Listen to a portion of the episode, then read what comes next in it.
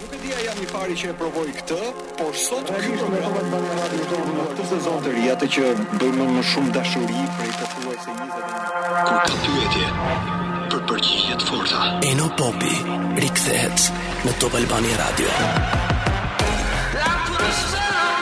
Dilema sociale. Përshëndetje dhe mirëmbrëma të gjithëve. Mirë se vini tek Dilema në Radio. Lajmi më i mirë i prag mbrëmjes sot është që EMA, Agjencia Evropiane e Barnave, publikisht deklaroi të sigurt dhe efektive vaksinën e AstraZeneca-s. Dhe ky është lajmi më i mirë për gjithë Evropën, e cila u mbërthye nga një skepticizëm masiv, por edhe ndarja nëse duhet vaksinoheshin me vaksinën ose jo. Dhe aq më keq që në një vend vogël si Shqipëria që leximi dhe thellimi i masave mbi informacionin, mbi vaksinën, kufizohen vetëm në mënyrë sipërfaqësore, tipi e lexova në rrjetet sociale apo kshu flitet apo ja se e dëgjuan në televizor, kur edhe këto 40.000 va flakon vaksina që i kemi nga AstraZeneca, që janë efektive, le t'i marrin njerëzit tani më pa merak. Megjithatë, për të thënë të vërtetën, ky vendim i Emas sot nuk ishte i papritur. Ishte krejt i pritshëm që do të shkonte kështu. Mirë se erdhët tek dilema sociale. Sot do të merremi me tjetër gjë, kështu që le të shohim pak uh, hallet e shpisë në një sens. Marsi në këtë vend ende jo zyrtarisht në fushatë ka patur përplasjet politike dhe sherret parazgjedhore që janë bërë si kripa në pjatën ditore me protagonistë socialistë dhe demokratë, biznesmenë apo laca qytetesh që shfaqen si elektorat në aktivitetet qytetare. Dhe të gjithë jetojmë në këtë sport popullor, me këtë sport popullor siç është politika dhe aq më shumë listat zgjedhore të shtuara së fundmi. Kandidatët po shihen me vëmendje edhe për një realitet gati të mediave sociale, kur kushdo që bën watchdogun është e pamundur që debati publikut t'i shpëtojë çdo aspekt që shfaqet nga të përzgjedhurit e partive. Pra në një moment lëvizja apo çfarë flasin e tjerë etj janë gjithkohës të vëzhguar dhe të komentuar. Rasti i një debati publik më i fundit ishte ai i një konsiderate personale të të parës së listës së socialistëve të Tiranës, inxhinieres Luljeta Bozo. Në një program në median publike, të pyetur direkt rreth diktaturës, dhe opinioni i saj ishte ky. Që diktator në atë që ishte, po. Çfarë dëme i ka shkaktuar Enver Hoxha, vetë figura e tij, kombit shqiptar në ato 46 vjet sundim? Shiko, po t'i vesh në balans, po? për mua ka më shumë anë pozitive sesa negative. Enver Hoxha? Po, Enver Hoxha. Enver Hoxha, e thamë edhe një herë. Unë sot personalisht kam vendosur mos merrem fare me uh, individin, pra mos merrem fare me uh, zonjën në fjalë. Megjithatë, s'do ta bëja në asnjë rast në fakt, edhe po ta mendosh. Sepse mendimi personal është i saj dhe nuk mundet askush që të marrë përsipër të interpretojë mendimin. Veç ajo mund bëjë të interpretojë vendimin e mendimin e saj. Megjithatë, ajo që kam interes të merrem sot është aspekti etik i të gjithë historisë, asaj që prek, lëndon, acaron, shkakton debat në masa publike. Befas si në çdo rast edhe këtë herë u kthye në vëmendje nëse elementi nostalgjik duhet artikuluar me kujdes. Nëse shpërfaqja publike kur merr një status në kurriz, deputete e ardhshme e parlamentit fjala vjen. Me një pozicion gati shumë komod në rastin konkret, po flasim për të parën e, e listës. Pa lëviz fare nga shtëpia dhe befas nesër mbinë deputete në parlament bëri që të kishte një mori njerëzish gati të ndarë në gjykim në peshoren e të mirave apo shtypjen e komunizmit. Unë komunizmin e kam jetuar gati në shkërmoqe dhe jam i prirur të besoj gati në ndjenjat e atyre që kanë hequr në kurriz gjithë vuajtjet e një sistemi dhe indinjata u vjen natyrshëm. Kjo është e kuptushme. Por edhe të mos merrem, edhe mos po ashtu të mos i vë faj atyre që janë nostalgjik, që në të drejtë të vet evokojnë të shkuarën si kohë komode për ta. Kjo është e gjitha personale. Por a do të ishte një rast i ngjashëm në një tjetër kulturë, më blasfemik? A do të ishte gati një ë uh, cënim kolektiv do të kishte një çmim tjetër kjo tipit kultura amerikane që quhet cancel culture, gati në fshirjen, anullimin apo braktisjen publike të dikujt që artikulon gabim? Edhe mundet.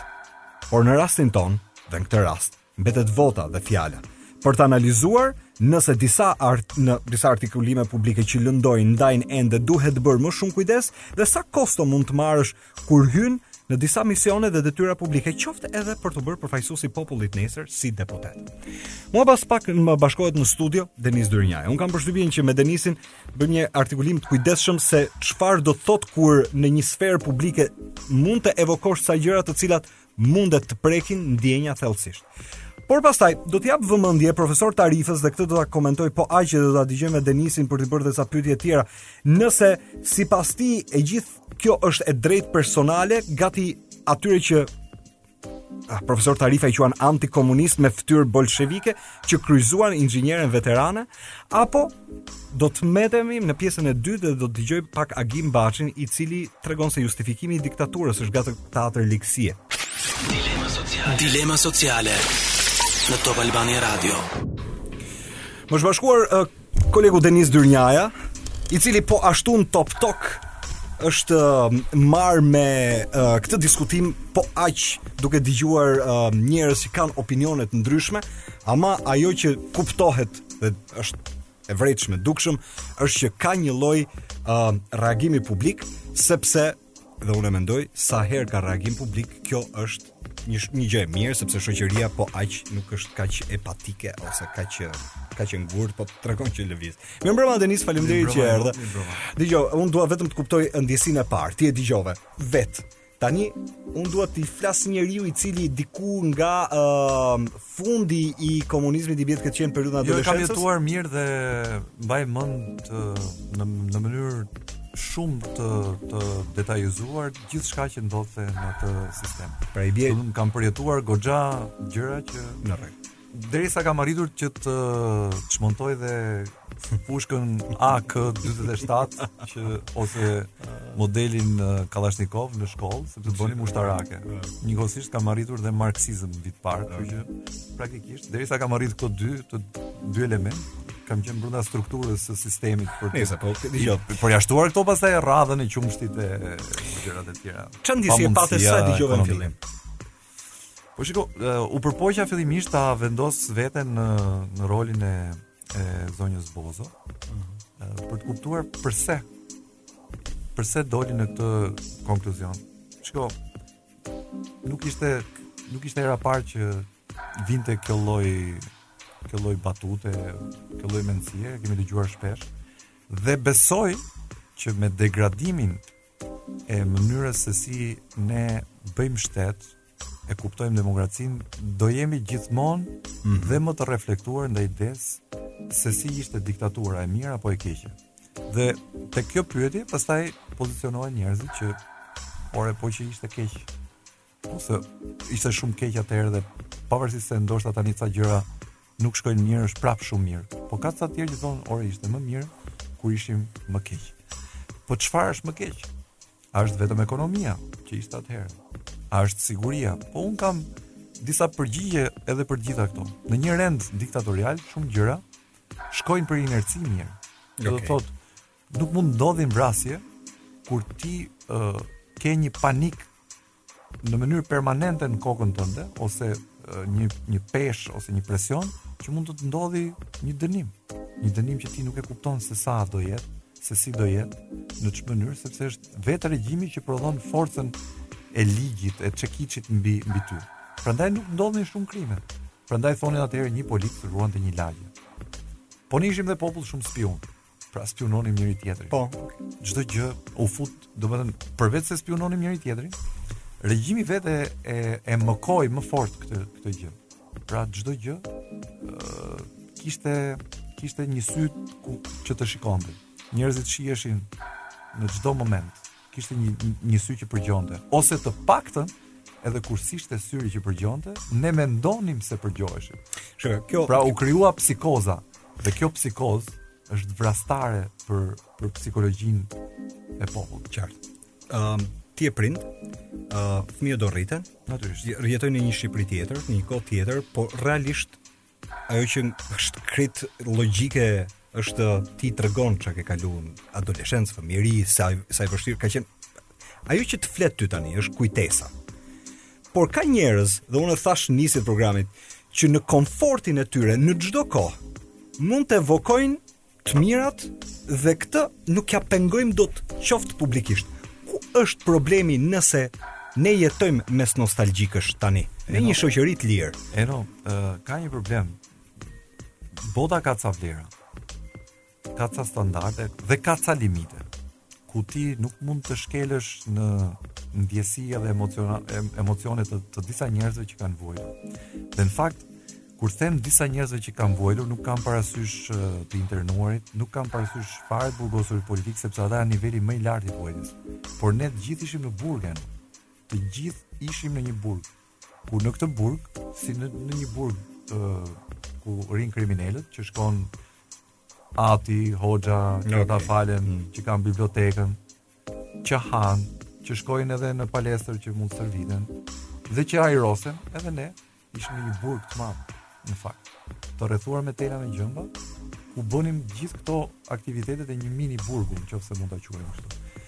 Pra ne, në një kuptim, nuk mund ta quajmë që ishim mirë atëherë, edhe pse disa njerëz Garantonin një kuti që quhej shpi, një dhomë e guzhinë ose dy dhomë e guzhinë. Kishin një plazh. Këto janë këto janë mënyra se si sistemi manipulonte shoqërinë për të mos u ngritur kundër tij. Nuk ishin të mira që sistemi mendonte për shoqërinë, është ndryshe. Pra është e vendosur gabim logjika. Sistemi investonte mbajtjen e pushtetit vet nëpërmjet kësaj gjëje, se nuk mund ta çonte deri edhe pse i shkoi në fakt deri në fika shkoi deri në Megjithatë, Rrasht, sido që të jetë. Ka njerëz të cilët kanë kaluar në dy kohë, Denis, dhe do të thotë që dikush midis një jete siç e vizatova, dikush me një jetë pak më të pozicionuar mirë dhe ti ke se kishte veten e vet zonja Bozo parasysh në këtë rast. Nuk jo, më jo, dëgjo, Ishe, nuk duhet të merrem fare me individin. Unë dua të merrem me nga ajo nisi kjo. Po mirë, dakor. Po pastaj unë dua të merrem me thelbin. Duhet të kuptoj midis elementëve nostalgjikë, njerëzve nostalgjikë, ke sot breza të uh, atyre njerëzve që kanë jetuar në komoditet në atë kohë. Ti ke sot njerëz të cilët i ke në establishment dhe që rrjedhimisht kanë ardhur uh, nga një formim nga nomenklatura pra kanë ardhur nga nomenklatura atëherë po, do të thotë kur ne jetojmë mes këtyre a ka një problem që t'i pranojmë apo do duhet jo, realisht të kemi të kemi një lloj ndasie që dëgjo ata mos guxojnë të flasin mendimin e tyre se ne kemi mendimin tonë jo jo jo jo shiko nuk është kështu ndarja çështja është që ne me pjesën e lirisë nuk mund të nënkuptojmë evokimin si vlerë pastaj Dakor, ti mund ta shprehësh mendimin tënd, po jo ta evokosh si vlerë. Pra, se edhe kjo çështja e vlerave ha diskutim. Ha diskutime. Prandaj. Pra ne themi që atëherë kishim një sistem shumë të fortë arsimor. Në fakt unë mendoj që jo. Mm -hmm. Sepse ë uh, nxënësit një nxënës mm -hmm. që shkonte në shkollë dhe thoshte o zot kur do vi dita që mos të shkoj më në shkollë, pra tregon që ishte në një padashje, pra nuk e dëshironte ta bënte këtë gjë. Ishte i dhunuar që të shkonte. Okay. Është ndryshe se si bëhet shkolla sot në Finlandë ose në vende të tjera që ti shkon me dëshirë në shkollë se do takosh pedagogun tënd që është shumë interesant, se bisedon me ty, nuk të imponon ty që të çohesh në tabelë, ose do të kapi po po e banalizoj, po po marr element, pra që me që thon atëherë ishte shkolla e fortë. Jo, më ishte diktatura për të bërë shkollën në mm. mënyrën se si ishte konceptuar kurrikula që të dukej shkolla që ishte e fortë. Atëherë më shpjego pak, Denis, ti ne jetojmë me njerëz, i ke në lagje, i ke komshi, i ke në fis, i ke i ke njerëz, më ne jetojmë me njerëz që mund të jenë nostalgjikë për atë kohë. Atëherë flasim për njerëz të pandjeshëm Duma, apo flasim për njerëz që s'kuptojnë. Edhe unë jam nostalgjik që nuk reflektoj. Njeriu bëhet nostalgjik edhe për të keqen e, e kaluar me me një lloj aventure, ha. Mund ta thuash kështu. Që fjalë, unë nuk do ta zbrisja në nivel kaq aventurës të punë. Flas nostalgjik për element krahasimor. Po çfarë kishte për nostalgji atëherë Eno? Njerëzit, më fal, le ta se do ta banalizoj deri në këtë pikë sa për ta kuptuar. Gratë nuk kishin lines. E kupton ku kemi qenë? Dhe kjo është shumë e rëndë. Nuk kishin lines.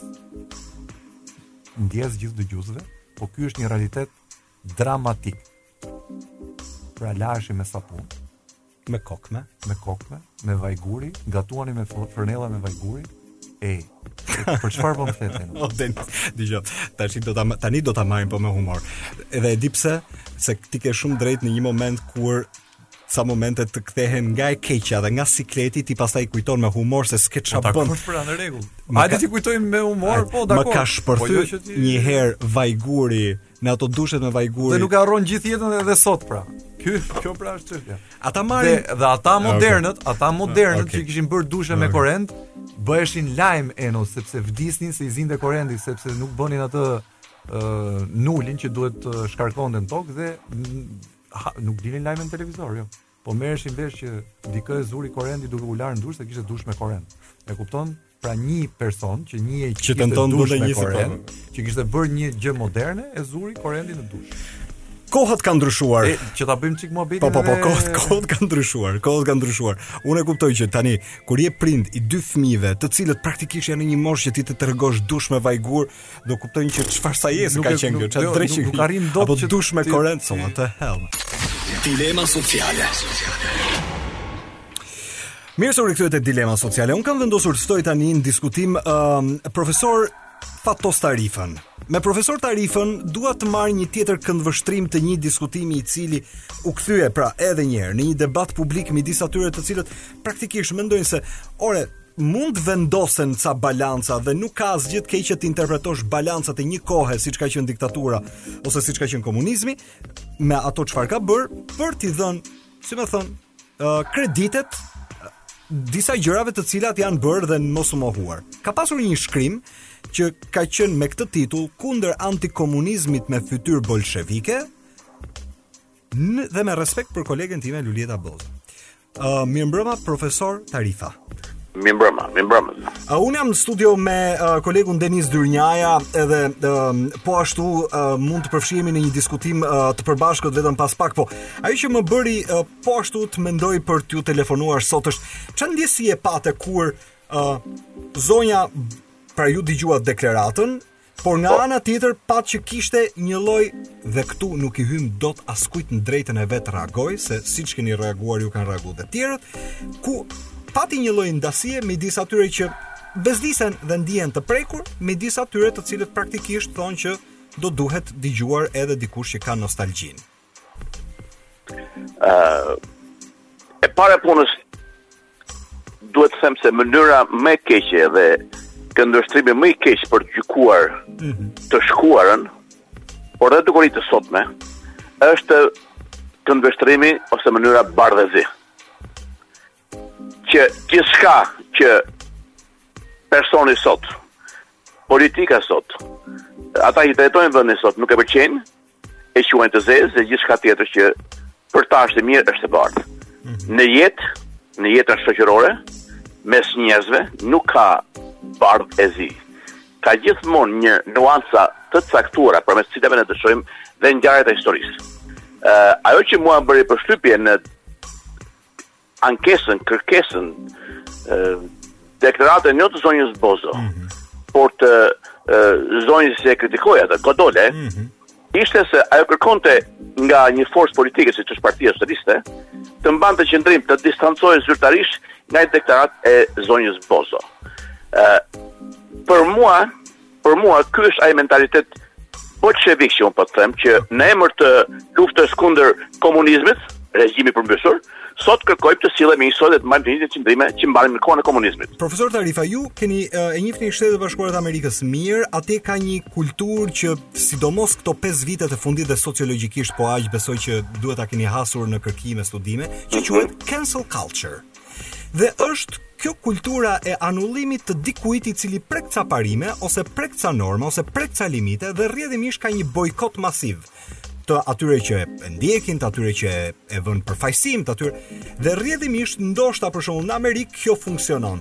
Pse të duket e çuditshme nëse fjala vjen për shembull një parti politike ose një uh, organizatë ose Çne s'ka pra, dikush që mund të mbaj një qëndrim në raport me të vetin, a është kjo kaq problematike? është patjetër. Po jo, nuk ka vend në botë ku antikomunizmi ka qenë më kom, komunizmi të ketë qenë më i huaj se sa Amerika. Nëse në Evropën perëndimore ku dhe lindi komunizmi, Ai ka bërë vend dhe për një kohë të gjatë dhe histori, gati-gati mori pushtetin në në Francë dhe në Itali, mbas Luftës së Dytë Botërore. Amerika ishte gjithmonë një tokë e huaj për komunizmin, nuk e pranoi. Arsyet e zhvillimit ekonomik, social, historik të saj kanë qenë të tilla që komunizmi me atë ideologji kolektiviste e tij nuk bën dot vend në një shoqëri ku individualizmi është baza e themelit të shoqërisë.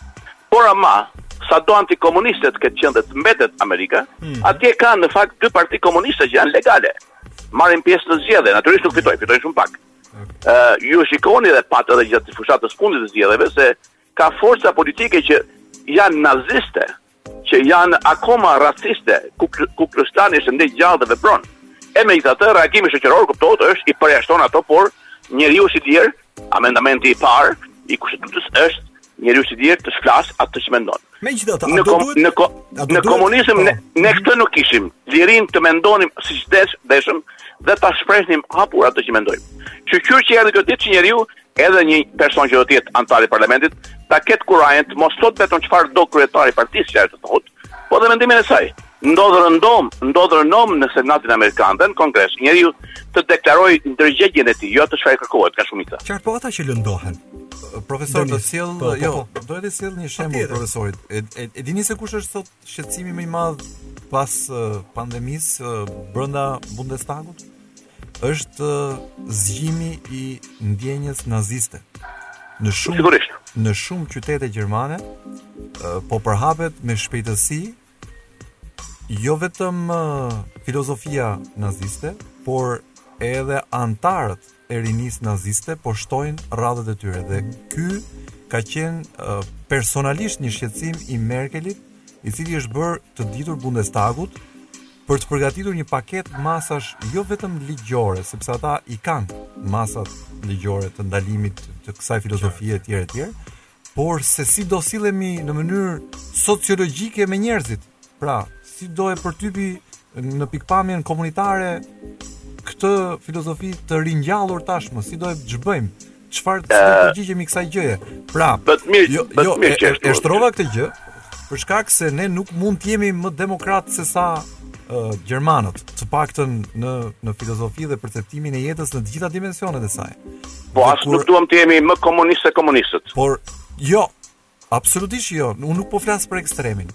Por evokimi dhe normaliteti i pranimit të evokimit nuk është se mund të na shkojë për shtat sepse jemi shumë dhe afër plagës, pra kemi vetëm 30 vjet nga ndarja e komunizmit dhe unë mendoj që kjo që ne prodhojmë sot nga pikëpamja politike është në fakt në thelb vetë mendësia komuniste e të të bërit. Pra korrupsioni ishte edhe atëherë, është dhe sot. sot është në dimensione të tjera, në mënyrë në mënyra të tjera që natyrisht koha i prodhon sepse modernizohen shumë gjëra. Atëherë mund të merrje një provim me një drekë, sot merret ndryshe. Mund të merrje një një vend pune me një mik. Nuk e di, sot nuk e di. Ndryshe me blerje me, me blerje me para. Atëherë mandati i deputetit. Më falni për pyetjen. Unë jam 45 për 46. Por nuk besoj që ti ta dish se korrupsioni atëherë ka qenë siç është sot. E jo, para është një e pavërtetë e madhe. Jo, nuk thashë se ka qenë sa është sot. Thashë ka patur atëherë korrupsion. E dyta nuk besoj se atëherë mund të merrje mund të merrje një provim duke ngrënë drekë. Nuk ka qenë kështu sepse me thënë të drejtën. Nëse ka, nëse kapeshe ti të shkatërrohej jeta. Sot nuk ndodh, kjo është rëndom, kjo është një plagë e madhe, por nuk po hyj këtu. Merr edhe me një po, po shishe. Po marr rreziku.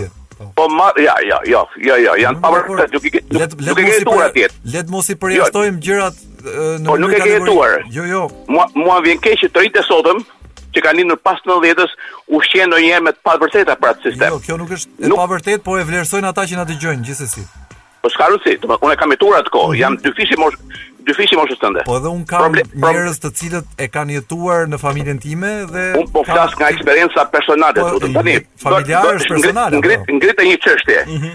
Ngrite një çështje. E para e punës nuk është një fenomen i ri, një dukuri e re, që po lindin tendenca naziste, grupe naziste, këto kanë vite, vite, për të mos thënë dekada në Gjermani. E dyta, unë duhet të bëj një një një dallim esencial. Nazizmi dhe komunizmi sado diktatorialë të poshtër të këqij kanë qenë si sistem, nuk mund të krahasohen njëri me tjetrin. Krime të tjera, njëri krime të tjera, kreu tjetri, zhvillim kreu nazizmi, infrastrukturë e jashtëzakonshme, jo. infrastrukturë të jashtëzakonshme, kreu dhe Enveri me me me fshatrat e prapambetur, elektrifikimi e gjithë të tjerat. Pra, çdo regjim krijon zhvillim, po kjo nuk është. Në qoftë se elektrifikimi, zhvillimi urban, edhe zhdukja e analfabetizmit, janë të meta të sistemit. Jo, s'janë të meta. Nuk janë të meta. Janë. janë rrjedhojë normale. Janë po, nuk e bëri, nuk e bëri, më falni, nuk e bëri me dhunë elektrifikimin. Nuk e bëri me dhunë industrializimin. Nuk, e bëri me dhunë arsimimin e popullsisë. Nuk është antiteza dhuna në këtë rast, që si do bëjë po, ndryshe. Po, Patjetër, këtë këtë jo, përmendët ju. Jo, Nazizmi krijoi hapi vende pune, krijoi për mua thelbi është liria, ju thatë vetë, Dhe në qoftë se s'ka po, po. liri, gjithçka tjetër s'vlen. Po, pra. Patjetër, po çfarë, çfarë lirie kërkoni ju sot kur doni të pengoni dikë të shprehë mendimin e vet? Jo, jo, jo ajo ta shprehë mendimin e vet, nuk jo, e pengon njeri. Dakord, ajo që është duke diskutuar. Ai është thelbi esenca. Unë nuk diskutoj njerëzit, pra mos më pa me emocion këtë histori. Po çitet njerëz lëndohen. Thjesht çështja. Natyrisht ka njerëz, Jo, unë un, un, un jam për ditë me student. Mm -hmm, mm -hmm. Edhe studentët nuk duan t'ja dinë çka ka ndodhur këtu para 30 vjetësh. Ata shikojnë të ardhmen, nuk shikojnë mbrapa. Ky është një problem shumë i madh sepse duke mos jo, mos parë nga e shkuara ne përsërisim po, sërish. Është një slogan, është një slogan, është një slogan jo. shumë i vjetër. Nuk besoj më. Prandaj po përsëritet në Gjermani jo, jo. nazizmi sepse e kanë harruar. Nuk shkohet përpara, nuk shkohet përpara duke parë mbrapa, shkohet duke parë përpara. Dhe një 20-vjeçari sot nuk i intereson shumë ajo. Ne ja kujtojmë për ditë me emisionet tona në televizion, në radio e në gazeta, kush ka qenë Abaz Kupi, kush ka qenë Zogu, kush ka qenë kë... A është keq, unë mendoj profesor që është mirë? Jo, jo, atë, ajo është detyrë e historisë. Në shkolla ata do të mësojnë historinë me të mirat dhe të këqijat e saj. Nëse e kemi shkruar atë me historinë siç duhet ndërkohë, kështu që Në qoftë se pa as i populli ka shkruar historia asnjëherë nuk shkruhet e plotë. Mhm. As je, dhe politika ju e dini se sa. Ju duhet ta pranoni i pari se jeni profesor në këtë rast, mund të bini dakord me tezën që historia nuk shkruhet e plotë. Historia asnjëherë nuk shkruhet e plotë. Po s'mund të jemi dakord me këtë. Jo, natyrisht nuk jam, por nuk mund ta shkruajmë si duam ne, nuk mund ta shkruajmë siç duan ata, mm -hmm. siç nuk e shkruan, nuk e do, nuk donin ta shkruanim siç e shkruan ata që ishin para nesh. Historia është objektive dhe me, me historinë merren historianët, jo politikanët. Ky është objeksioni im kryesor. T'i lëmë historianët ta studiojnë, ta njohin atë. Mm -hmm. Jo politika të merret me historinë sot. Sa, sa edhe kjo është e fundit. A mendoni që Kjo gjë do vazhdojë gjatë sa të ketë kohë dhe ende emocione të forta midis njerëzve të cilët kanë arsyetimin e tyre personal, i bie që gjithmonë ky debat do vazhdojë apo jo. Ë uh, unë besoj se uh, fakti që në Shqipëri edhe sot mas 30 vjetësh, mm. sigurisht 30 vjet janë pak në jetën e një kombi. Janë shumë në jetën e njeriu, është gjysma e jetës njerëzore.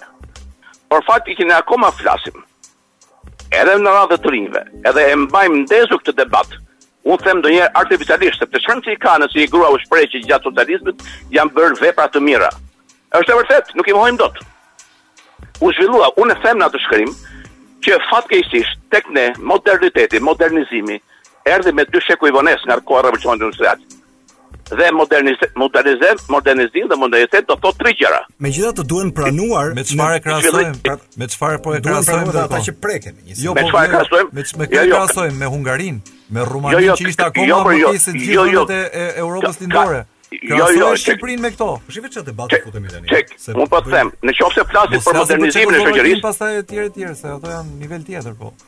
Qartë, sigurisht që është nivel tjetër. Ka qenë nivel tjetër edhe para luftës së dytë botërore. Natyrisht, pra, kështu që por Shqipëria nuk, po e krahasoj me këtë fakt që në definicionin e modernizimit, e modernitetit ka tri aspekte, tri gjëra. Mm. Industrializimi i një vendi dhe Shqipëria ishte vendi më i paindustrializuar i botës, i Evropës atë kohë. Urbanizimi i vendit dhe përhapja masive e arsimit bazik. Okay. Këto të treja nisën mbas luftës së dytë botërore. Ishte sistem komunist jo, Fakti është që atëherë nisi modernizimi i Shqipërisë.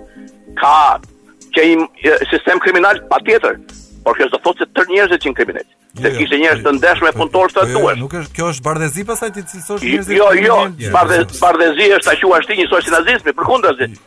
Përkundrazi. Dhe mos harro mos harro një gjë. Unë personalisht, unë personalisht unë atë regjim e konsideroj dhe më keq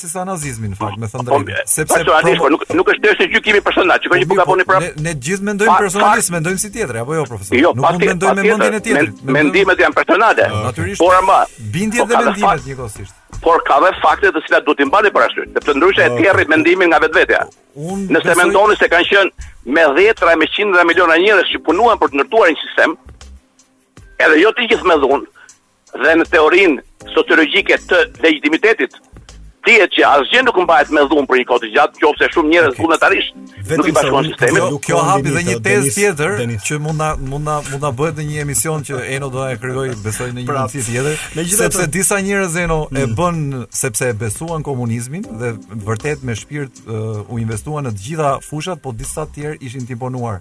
Dhe kjo është dy herë më keq, sepse po, disa po, u gënjyen dhe disa u imponuan. Patjetër nuk diskutohet. Okay. Çështja ime, ajo për të cilën unë mbaj qëndrim të fortë ndaj zonjës që ka shkruar okay. artikullit që nuk mund t'i kërkosh tjetrit mos fol ti për atë regjim.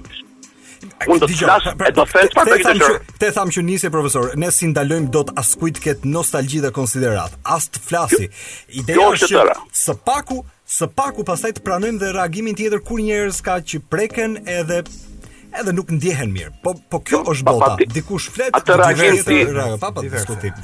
Atë reagim Eno nuk e mohon dot. Po, Tjetri po. do reagojë. Po po po po. Por por çdo çdo qëndrim duhet argumentuar. Unë të falënderoj shumë që gjete kohën. E di që të edhe unë për tani vetëm pas pak hyn në leksion, kështu që po, po, po, profesor tani do të ndaj. Në orë 7. Profesor të përshëndesim. Gjithë të mirat. Edhe unë gjithashtu. Natyrisht që shqiptarët e kanë dëgjuar Çelentanon ku izolimi. Shqiptarët janë lidh me Çelentanon ku izolimi.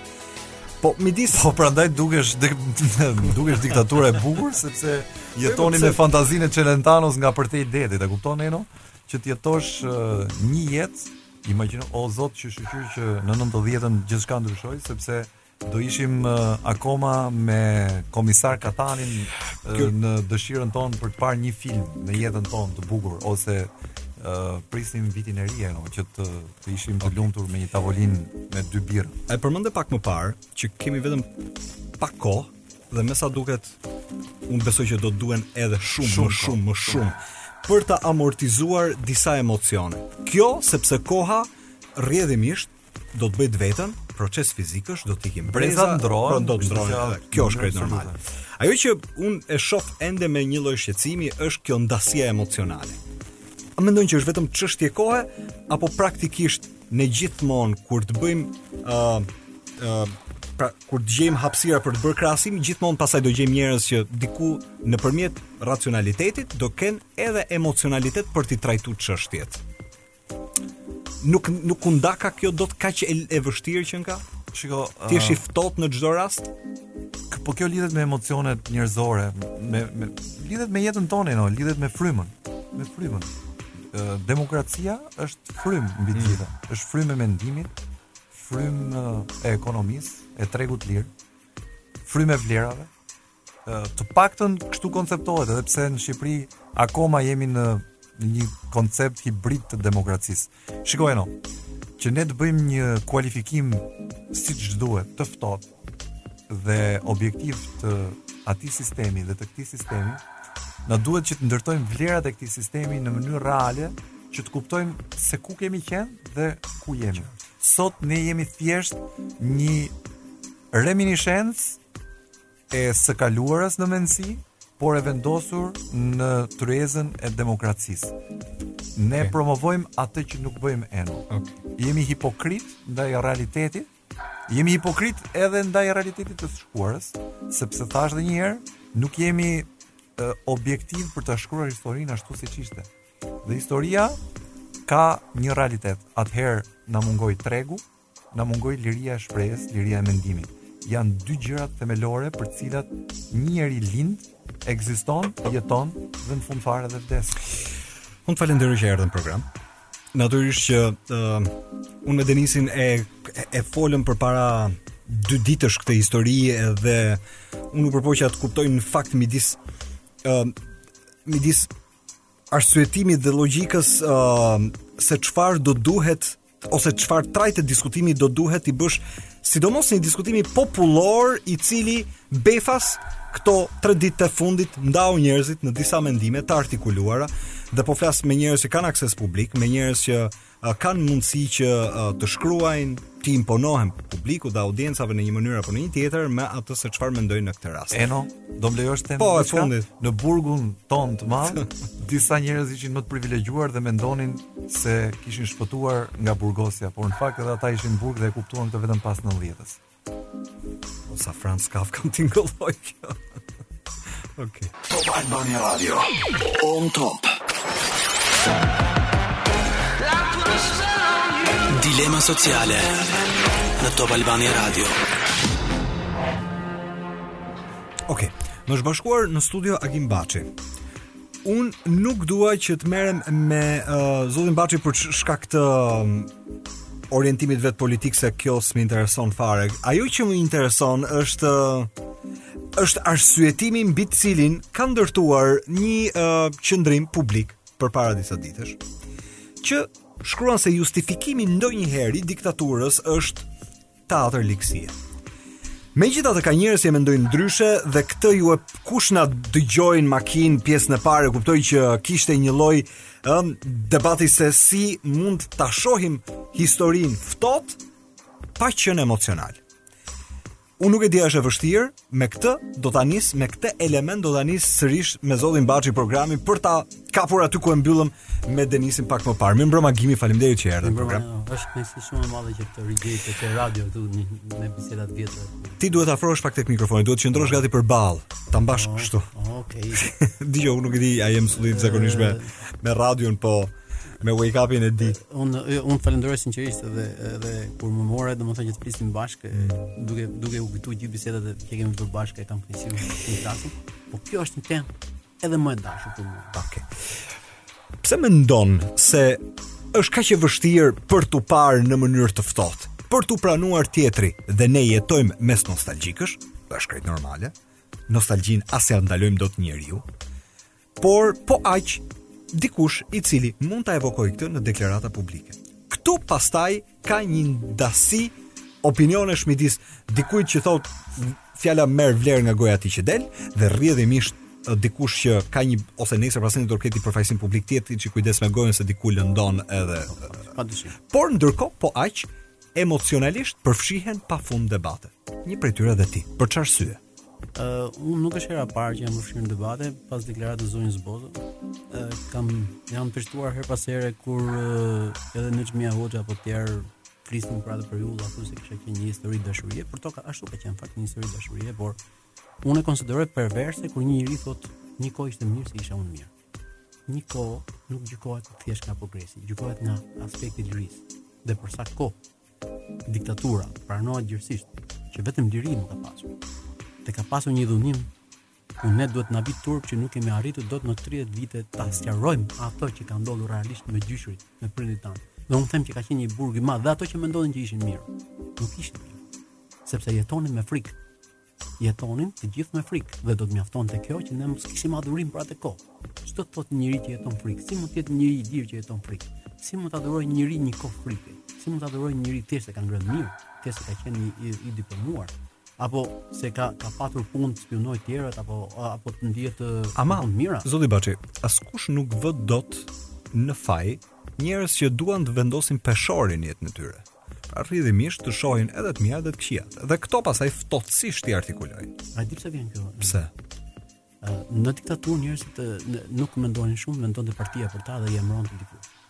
Çfarë ndodh në liri? Në liri ti ke prisi për të Dhe duke qenë se jo gjithë njerëzit arrijnë të të të konfrontohen me përgjegjësinë e tyre për të vendosur ata vetë, mm -hmm. preferojnë të kujtojnë atë kohën e nostalgjisë kur dikush vendoste për ta.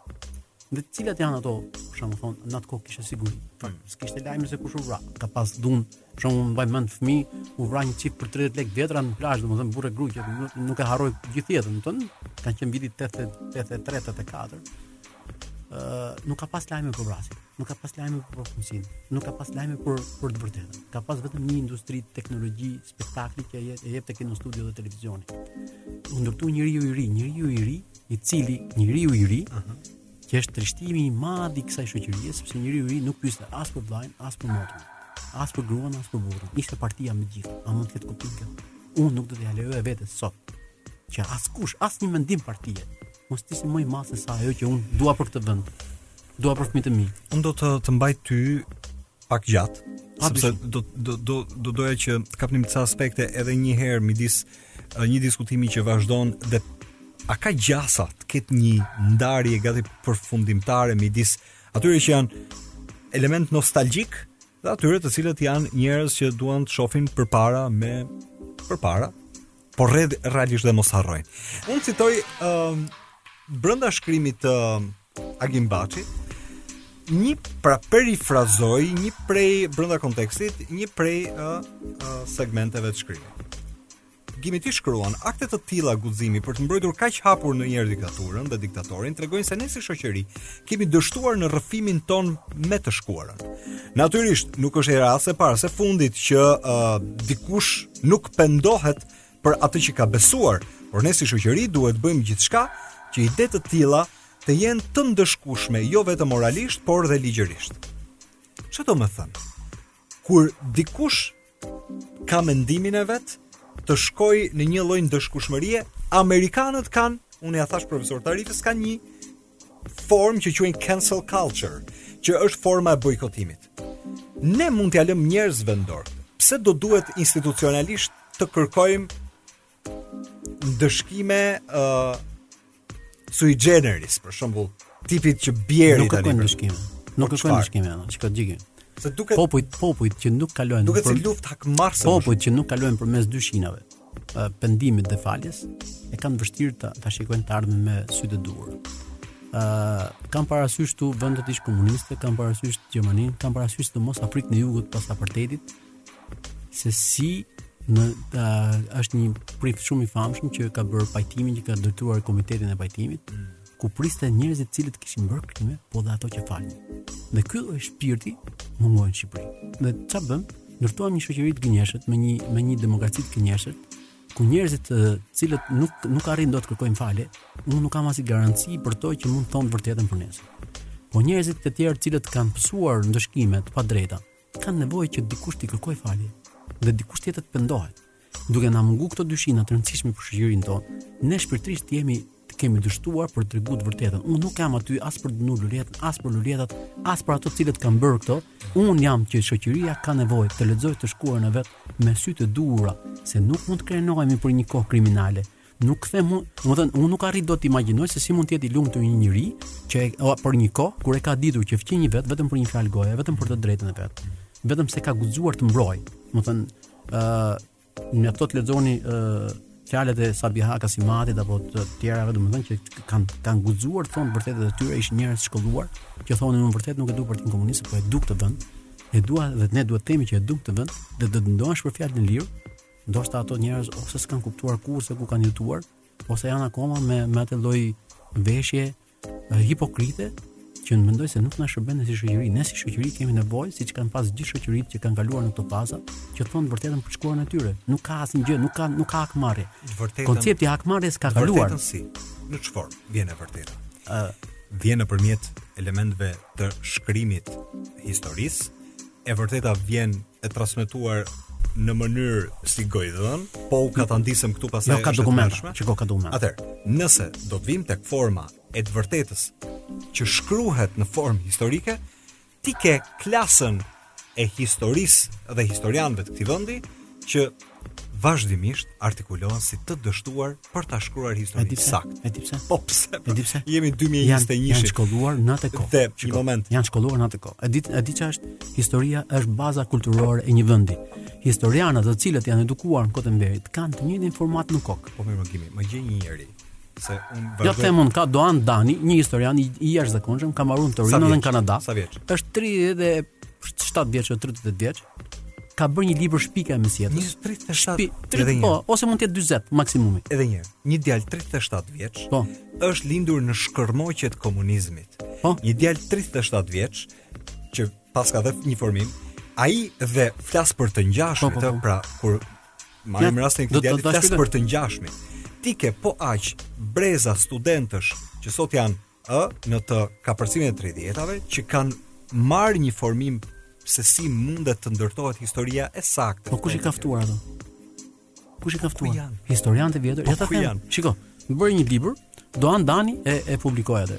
Është Shpikja e Mesjetës. Ka marrë me dokumentacion se si kemi shpikur ne për për shkak të komunizmit se ka dashur të ndërtojë një histori sipas legjendës vet. Okej. Okay, Okej. Okay. Uh, për shembull ne në, në librat e historisë tonë e kemi nacionalizmin që kohës Skënderbeut, ndërkohë që nacionalizmi kombet kanë lindur në 1820 në kry nga Greqia e këtej, domethënë dhe Ne themi kombi shqiptar kur s'ka pasur kombe, domethënë kur kemi qenë me fise, sepse ne nuk nuk guxojmë t'i themi të vërtetat, sepse deep state nuk është qeveria. Deep state janë kultura, janë institucionet arsimore, janë ato librat historikë, janë është mënyra e të shkruarit të, të së djeshmes, Këto janë deep state, nuk janë ministrat, ministrat shkojnë e vijnë. Në qoftë se ti i fut në një hulli të gënjeshtërt, ato në në rrugë të gënjeshtërt do të shkojnë. Qartë. Ë, uh, ajo që më shqetëson mua është që ë uh, po vjen një kohë unë s'e kam menduar në fakt, me thënë të drejtën ajo. Unë i kam kërkuar falje vetes time se i jam drejtuar njerëzve të gabuar në këto vite, se kam menduar që i jam drejtuar akademikëve. Në fakt, më vonë duke duke parë nëpër shkresa, domethënë, sidomos do të them vetëm një detaj, në vitin 2005 jam futur në bibliotekën kombëtare dhe pashë që 70% e doktoraturave ishin roli i partisë dhe roli i Enverit filan fushë, filan fushë. Dhe i thashë, i bëra një kërkesë publike këtyre njerëzve, i thashë, dakord. Në kohën e diktaturës ti nuk mund mbroje temë tjetër. Ama Ke patur gjithë këto vite që mund ta dorëzoje temën që ishe me parti dhe të mbroje një temë që është temë profesionale. Pse nuk e bëre? Si mund t'i japësh ti mësim studentëve me partinë dhe Enverin filan fushë filan fushë, kur s'ka mendim shkencor as partia as Enveri dhe ke guxuar të japësh mësim, ti je profesor dhe mos ta dorëzosh atë, atë titull, dhe ta mbrosh titullin me profesionalizëm. Si mund të marrësh paratë me këtë lloj hipokrizie këtë okay. gënjeshtër? Okay. Historianët e asaj kohe. Ne kemi nevojë, mo, nuk është turp mo ta themi okay. të vërtetën. Nuk është turp mo që që ka njerëz që kanë besuar verbërisht që po bëjnë mirë mo me atë krimin, sepse kështu kanë menduar, mo, kështu kanë qenë rrënjosur nga ana ideologjike. Tani, si mundet të ndihet mirë një njeri që ka menduar se partia është mbi nënën, mbi babain, mbi motrën, mbi vllain, ka spionuar vllai motrën, motra vllain. Në momentin kur në një shoqëri Uh, ne vemë këtë lloj raporti. Domethënë, uh, kur spionon burri grun gruaja burrin, vllai motrën motra vllai, unë mendoj se kemi kemi jemi futur në një humner të madhe shpirtërore. Do të kujtoj vetëm një rast që më trishton shumë. Okay. Kurt Kola ka një kujtim. Mm. Një zotëri që bisedonte me gruan në orën 9 të darkës, dëgjoi një zhurmë. Zhurma i vinte nga poshtë tavolinës ishte futur vajza që ishte klasë katër dhe po mbante shënim sepse zysha në klasë i kishte thënë duhet ta gjejmë armikun e klasës edhe brenda familjes sonë. Dhe po mbante shënim prindërit sepse i besonte verbërisht zyshës. Po mbante shënim çfarë bisede po bëjnë apo e shajnë partinë apo jo. Dhe ky zotria i ka goditur e ka goditur kur ka parë dhe kur e ka shpjeguar vajza se çfarë po shkruante, e ka goditur me shpullë. Ajo ka rënë me me kokë tek tek tavolina. Qartë. Dhe ky është burgosur për këtë gjë dhe pastaj është treguar gjithë e vërteta. Imagjino në ç'pikë kemi qenë. Po, kemi indoktrinuar një shoqëri në një rrugëtim fatal. Ora, nëse ne e duam këtë vend, duhet të themi të vërtetën. Mo. Nuk mund ta duash këtë vend pa i thënë të vërtetën. Duket si skenar filmi kur e dëgjon kështu, por e, është ja, ja, ja sa histori ka kështu ky vend të pafund. Gimi do të do të flasim vetëm pas pak edhe do të do të pyes vetëm pas pak për këtë çështjen e uh, një katarsisi që realisht do duhet një vend ta bëjë jo për t'u ndarë nga e shkuara, por për të qenë edhe si profilaksi më të ndershëm me veten. Natyrisht që diku frynte një lloj ere e një lirie. Megjithatë, Dy gjëra në një shoqëri të lirë dhe demokratike në 2021-shin vazhdojnë të diskutohen ende. Dhe kjo nuk është vetëm shqiptare, në çdo vend të botës kur ti rikthehesh tek e shkuara, kupton që ka gjëra se vetëpastrimi nuk ka funksionuar. Të flasim për një katarsis. Kur flas vetëpastrimi nuk ka funksionuar, duket që diku nuk ka pas vullnet, diku edhe kur për diku edhe kur përpiqemi Gimi të themi të vërtetën, atë o e kemi pra kot nuk thon, një gjysmë e vërtetë është më keq se një gënjeshtër. Patjetër, patjetër, patjetër. Dhe i themi gjysma të vërtetave, por nuk i themi të vërtetat ashtu siç janë. Dhe herë duhet, pra duket sikur duam të ndahemi me të shkuarën, por këtë gjë s'e bëmë seriozisht. Çfarë nuk ka shkuar në këto vite për ta mbyll këtë si proces? Un un si Agim kam menduar që fillimisht ne e shmangëm hakmarrjen për shkak se në 91-shin nuk kishte asnjë vrasje të atyre që dolën nga burgjet për persekutorët e vet. Okej. Ë uh, un mbaj mend dajën tim, më që i afroi djemtë e vet, vinte nga Spaçi dhe i tha që jeta ime iku dëm, Nuk dua që edhe jeta juaj të shkojë me hakmarrje. Ne nuk kemi kohë për hakmarrje. Ne do të gëzojmë lirinë. Dhe sot të janë të dy biznesmenë të fuqishëm që kanë ecur për shkak se jati nuk i la të hakmerreshin edhe pse i njifte ato, të cilët i kishin i kishin e kishin i kishin për dëm. Dhe unë mendoj që ato kanë qenë shumë zgjuar se të bënë një shkollë tjetër Por nuk ishte kjo, domethënë që të mund ta sqaronte të gjithë çka që kishte ndodhur. Ato zgjodhën lirinë e tyre, mos ta çonin jetën në dëm përmes hakmarrjes. Se hakmarrja, siç thot një llaf shumë interesant i urtë, do thotë hakmarrja është forma dembele e hidhërimit. Dhe kush jeton me hakmarrje jeton i hidhëruar. Unë jam kundër hakmarrjes. Por unë them që ne ja kemi detyrim shoqërisë, fëmijëve që do vijnë, fëmijëve që do rriten, ta kuptojnë se çka ndodhur me gjyshërit e tyre, se mund të duket si komedi, mund të duket e pamundur. Kur i them ndonjëherë unë kur bisedoj me fëmijët e mi, i duket sikur po i tregoj një histori jashtë tokësore, kur i tregoj se ç'ndodhte me me me gjyshit e tyre, domethënë me me prindit e mi në atë kohë. Dhe uh, them që është në detyrën tonë që të mësohemi që një popull që nuk thotë të vërtetën e vet, të vërtetën për të shkuarën e vet, do të jetë gjithmonë me një hap në greminë, me një këmbë në greminë, sepse ai popull që gënjen vetveten nuk e ka problem të keqen, e hap gjithmonë derën të keqes. Pse ne sot jemi trishtohemi për kulturën e, e tundjes kokës që ka shumica e njerëzve? Sepse vijmë nga kjo shkollë hipokrizie. Megjithatë, ë uh, Gimi ka dy mënyra se si sot edhe një herë ne përpiqemi që të ruajmë këtë pjesën emocionale, duke respektuar tjetrin. Të paktën në një situatë kur sot jemi në kontekstin e ca njerëzve që unë e thashë në nisje të programit dhe dalëngadalë ne po vijmë drejt fundit, po dua që ta mbyll ashtu si e nisa. Ka ca njerëz që marrin ose në një moment të jetës vendosen në një pozicion publik. Ku do duhet dikush që ka një pozicion publik dhe kjo është komplet çështje etike, të bëjë kujdes me fjalët që nxjerr nga goja. Se në kafe, në jetë të lirë, gjithsecili është rahat pa asnjë lloj përgjegjësie të flasë si të dojë. Kur vijmë tani tek impostimi që nesër pasnesër dikush do jetë deputet në parlament, pra do jetë uh, në një post dikush tjetër nesër do ketë një përgjegjësi juridike dhe ligjore, një post publik që mund të prekë jetën e të tjerëve.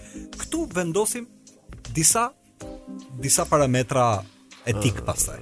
E no. Ë, uh, një sociolog i famshëm, José Ortega y Gasset, që më pëlqen se është dhe kritik arti, ë uh, ka një libër të famshëm ai Meditimet, Meditimet e Don Kishotit. Ai thotë kështu që uh, kultura vendoset përmes ligjit. Nuk është rastësi që Gjermania, populli i Gëtes dhe Shilerit, asnjë kryeministër gjerman nuk thotë që jemi popull i Mercedesit dhe apo i fabrikave, po thotë jemi populli i Gëtes dhe Shilerit.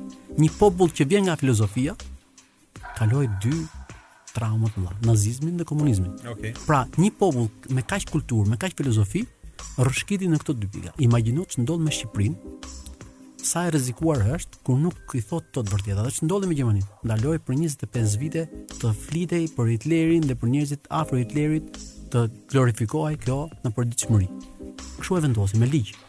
rumunët, bullgarët kanë pas një ligj për shumë rumunët edhe para disa muajsh kanë dënuar një 92 vjeçar, jo thjesht për ta çuar në burg, sepse u vërtetua që ai linte në uri e sipër në mbi 100 njerëz në në një kamp internimi. Pra ne kemi nevojë ta ndëshkojmë të keqen si simbolikë. Nuk e kam aty për dënuar, nuk nuk kënaqem unë, dhe nuk kam ndonjë lloj kënaqësie të marr ca njerëz t'i fus në burg. Unë e kam tek e vërteta. që mos të ndëshkohemi prapë nga një e kaluar, të cilën nuk e lexuam si duhet. Dhe kjo është e domosdoshme që ne si shoqëri të themi që e shkuara duhet lexuar jo okay. për ndëshkim. Okay. Ne jemi në një situatë. Për të mësuar me të vërtetën. Ne jemi në një situatë 30 vjet kanë kaluar. Ne jemi në një situatë kur ti ke prandaj ndonjëherë mua duket sikur ca debate uh, edhe edhe më shumë se sa debate qenësore janë debate të ngritura kot.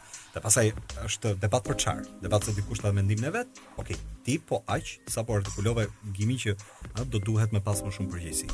Por, po të shofësh kontekstin, ti ke njerëz të cilët kanë bërë një tranzicion sot i ke njerëz që drejtojnë. A do akademi shkencash? A do kuvend? A do uh, situata të ndryshme uh, të vendimarrjes apo uh, po aq të uh, institucionale në vend, të cilët janë njerëz të dykohshëm. I ke pas dikur, po aq i ke sot.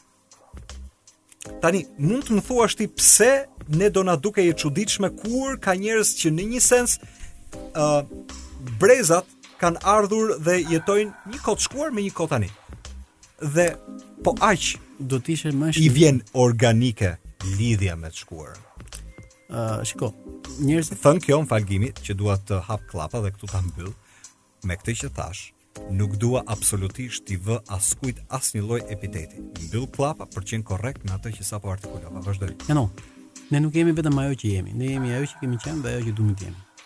Unë nuk them ta fshijmë të shkuarën, unë them ta lexojmë të shkuarën. Ah, okay. Dhe unë të doja që kryetari i Akademisë së Shkencave, që i përket dhe ka qenë ministër arsimi apo kryetari i kuvendit, mos t'ikë nga ky post, por të thonin realisht se cili ka qenë pozicioni i tyre dhe ç'mendim kanë për një kohë kaq të errët nga ana shpirtërore, një humnerë shumë e madhe. A është e nevojshme? Po, e di po pse. Po pse? E di pse? Sepse duke pranuar kështu, ato do të do të jepnin mundësinë edhe njerëzve të tjerë që mos krenoheshin me krimet ose mos të bënin sikur s'ka ndodhur asgjë. Ëh ose mos kishin guximin për të lavdruar një kohë kur ka ende familje që nuk kanë gjetë eshtrat e të parëve të tyre, ku nuk kanë gjetë varret e tyre, ku nuk kanë dikë që të qajnë.